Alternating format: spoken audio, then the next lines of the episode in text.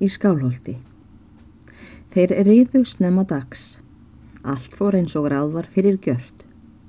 Gunnar hafði sex hesta undir reyfingi og reyðhestin þokka handa sér. Það var leiruljós hestur og hafði verið gæðingur mikill en var nú nýjinn á efri aldur. Og svo hafði hann brún og reyð aðalsteinn honum með köplum en stundum lit Gunnar hann að ríða einum af áburðarhestunum, rauðskjóttum hesti þýðum. Ferð Gunnars var heitið söður til Hafnarfjörðar. Hann sækja harðfisk, svo sem áður er getið. Þeir riðu sem leiði lág og greittist þeim vel ferðin. Tóku þjórsá á nautavaði en hvítá á ferju. Og segi svo ekki að ferðum þeirra frekara fyrir en þeir komu í skálholt. Herbergið er uppi á lofti. Eitt gluggi stór leiðir í byrtuna inn í hús þetta er hefur inni að halda Rekju er stendur á hurðarbaki til hagri handar þegar inn er gengið. Er rekjan með skornum bríkum og rúmfjöl fyrir fornlegari og er rúnalettur á fjölinni. Yfir rekjunni er ábreyða vönduð, sett laufiðarbekkjum umhverfis og ímiskonar margletum rósum í miðjunni. Gagvart er rekjunni við hinn vekkin stendur kistill stór útskórin og undir glugganum sem snýr til söðurs stendur borð all stort, ferhind og dögt að lit og hjá borðinu stóll, auður sjáanlega nýgerður og eftir innlendan smið. Hann er ólitaður og sætið úr tre.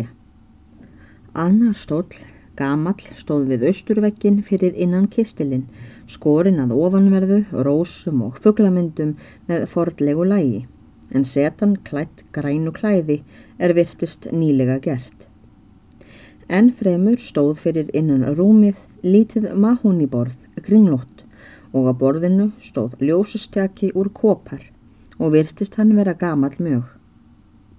Neðri hluti stjakans er höggormur, er ís beint upp frá miðri stjettinni þar sem hali hans liggur í ringnum, en að ofan gengur flugdreiki niður og mætast hausarnir með hálfopnum genum svo að hnúður verður þar á stjakánum er hausarnir koma saman. En efst á stjakánum sveiblar drekin sporðinum í ringa og myndar svo ljósapípuna.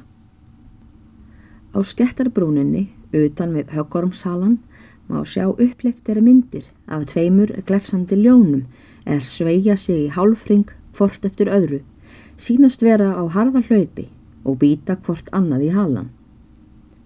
Úr glugganum sem er gengt dyrunum hafa menn útsjónina til söðurs og útsöðurs og má sjá þaðan til árinar er veldir hinnum kvítaströymi fram hér að við og hveður biskupstungur um leið og hún resir sig á ferska sobanum úr brúar á.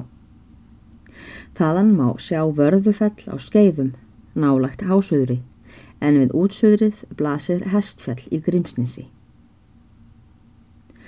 Í herbergi þessu er mjög svo þögult en þar er þó einn maður inni og setur hann á nýja stólnum við borðið. Við þann enda borðsins er snýr að vesturvekk húsins. Þessi maður er aðalsteinn. Hann hafi verið leitur hér inn þegar er hann var komin að skálholti og var það um nónbill. Og er hvenn maður sá ný gengin út aftur er hafði fyllt sveininum upp í hús þetta. Aðalstein situr nú á stólnum og rennir augunum til og frá innanum herbergið og nálgast nú óðum hinn mikla stund er hann skal tala við sjálfa biskupsfrúna augliti til auglitis og fá henni brefið. Brefið sem fremliðin móðir hefur fengið honum að annast og afhenda frúnni í eigin hendur. En það er sama andlitið á honum nú og þegar hann satt á sónarhól og var að skema út um hagan að ánum sínum. Það líða enn nokkur augnablík sem aðalsteinn er einsamall og þeim ver hann til að standa upp og líta út um gluggan og skoða landslægið. Hann verðir það fyrir sér um hríð. Því næst snýr hann sér að hinnum gamla ljósastjaka og tekur að virða hann fyrir sér. Hann leggur hönd sín á stjakan og ætlar auðsjáanlega að taka hann upp, líklega til að vita hvað þungur hann er. En í sama byli sem hann byrjar á þessu, heyrir hann fótatak fyrir framun hurðina. Aðalstein hættir óðara við tilræðið, kippir að sér hendinni álíka snögt eins og hann hefði hann ætlað sér að stela og sest niður á stólinn svo skjótt að hann er búin að öllu og komin í samt lag áður hurðinni er lokið upp. Og má hann þakka það hinnum seinfæru fótum sem á ferðinu voru. Nú eru dyrnar opnaðar með hægð og inn kemur öldruð kona. Þessi kona er meðal hvernmaður á hæð en all gild. Hár hennar sínist verið hafa skóli hjarft á yngri árum en nú er þar í blandið svo mörgum silfurleitum hárum að það má heita grátt. Hún hefur útlitt til að vera mellir 60 og 70 þó enda nær 70. Andlilt konunnar er enn frítt þrátt fyrir aldurinn og fyrirmannlegt en beri keima því að hún hafi mætt margvíslegri reynslu um dagana og borið það allt með hóværu geði.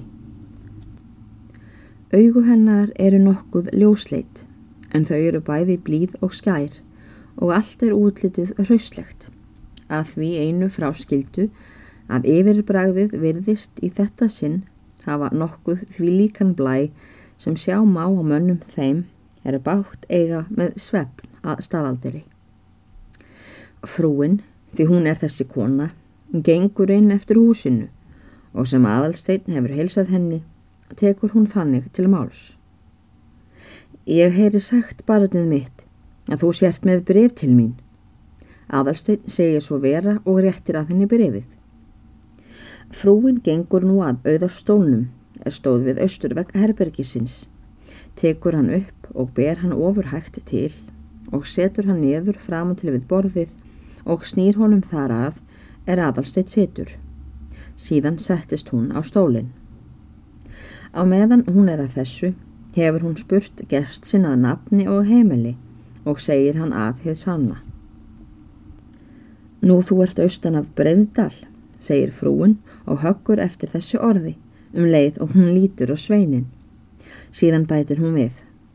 Þar á ég engan kunnugan svo ég muni, nú nefn á önnu mín á neðstabæ. Því næst les hún utan úr skriftina á brefinu, vendir því síðan við og skoðar heið svarta innsigli með stafnum A. Nú þetta bref er einmitt frá önnu, ég kannast við höndina og innsiglið, segir frúin um leið og hún tekur upp lítinn hníf til að skera brefið upp. Á meðan hún sker í kringum lakkið, segir hún við aðalstein. Þekkir þú hana annars strengur minn? eða veistu hvernig henni líður? Ég er sonur hennar, ansaði sveitnin. Sonur hennar, segir frúin og tekur orðin upp eftir aðalsteini og lítur nú á hann um leið og verðir hann fyrir sér. Ertu sonur hennar önnu á neðstabæ, segir hún með undrun.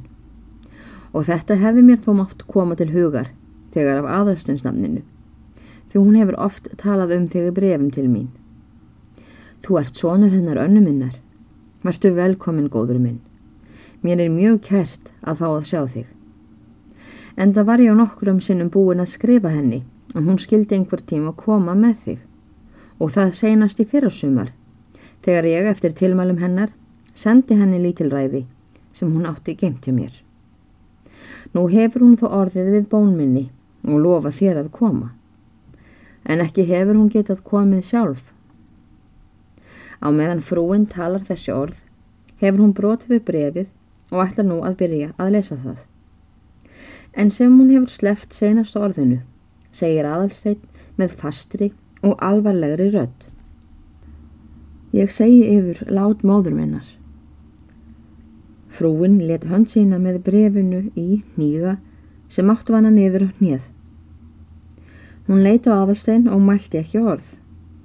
Hann heldur áfram og segir Það var í vor skömm eftir Jónsmessu að móður mín andaðist eftir þungalegu og þetta bref sem ég hef fært yfir fannst eftir hann að dána ásamt öðru brefi til mín þar sem hún mælist til að ég erði til að bera brefið hingað.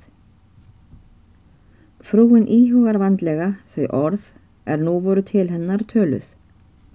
Ásóna hennar vottar að hún finnur til með sjálfur sér, en hún er ofreint til þess að einn döðafregn geti bifað henni frekara.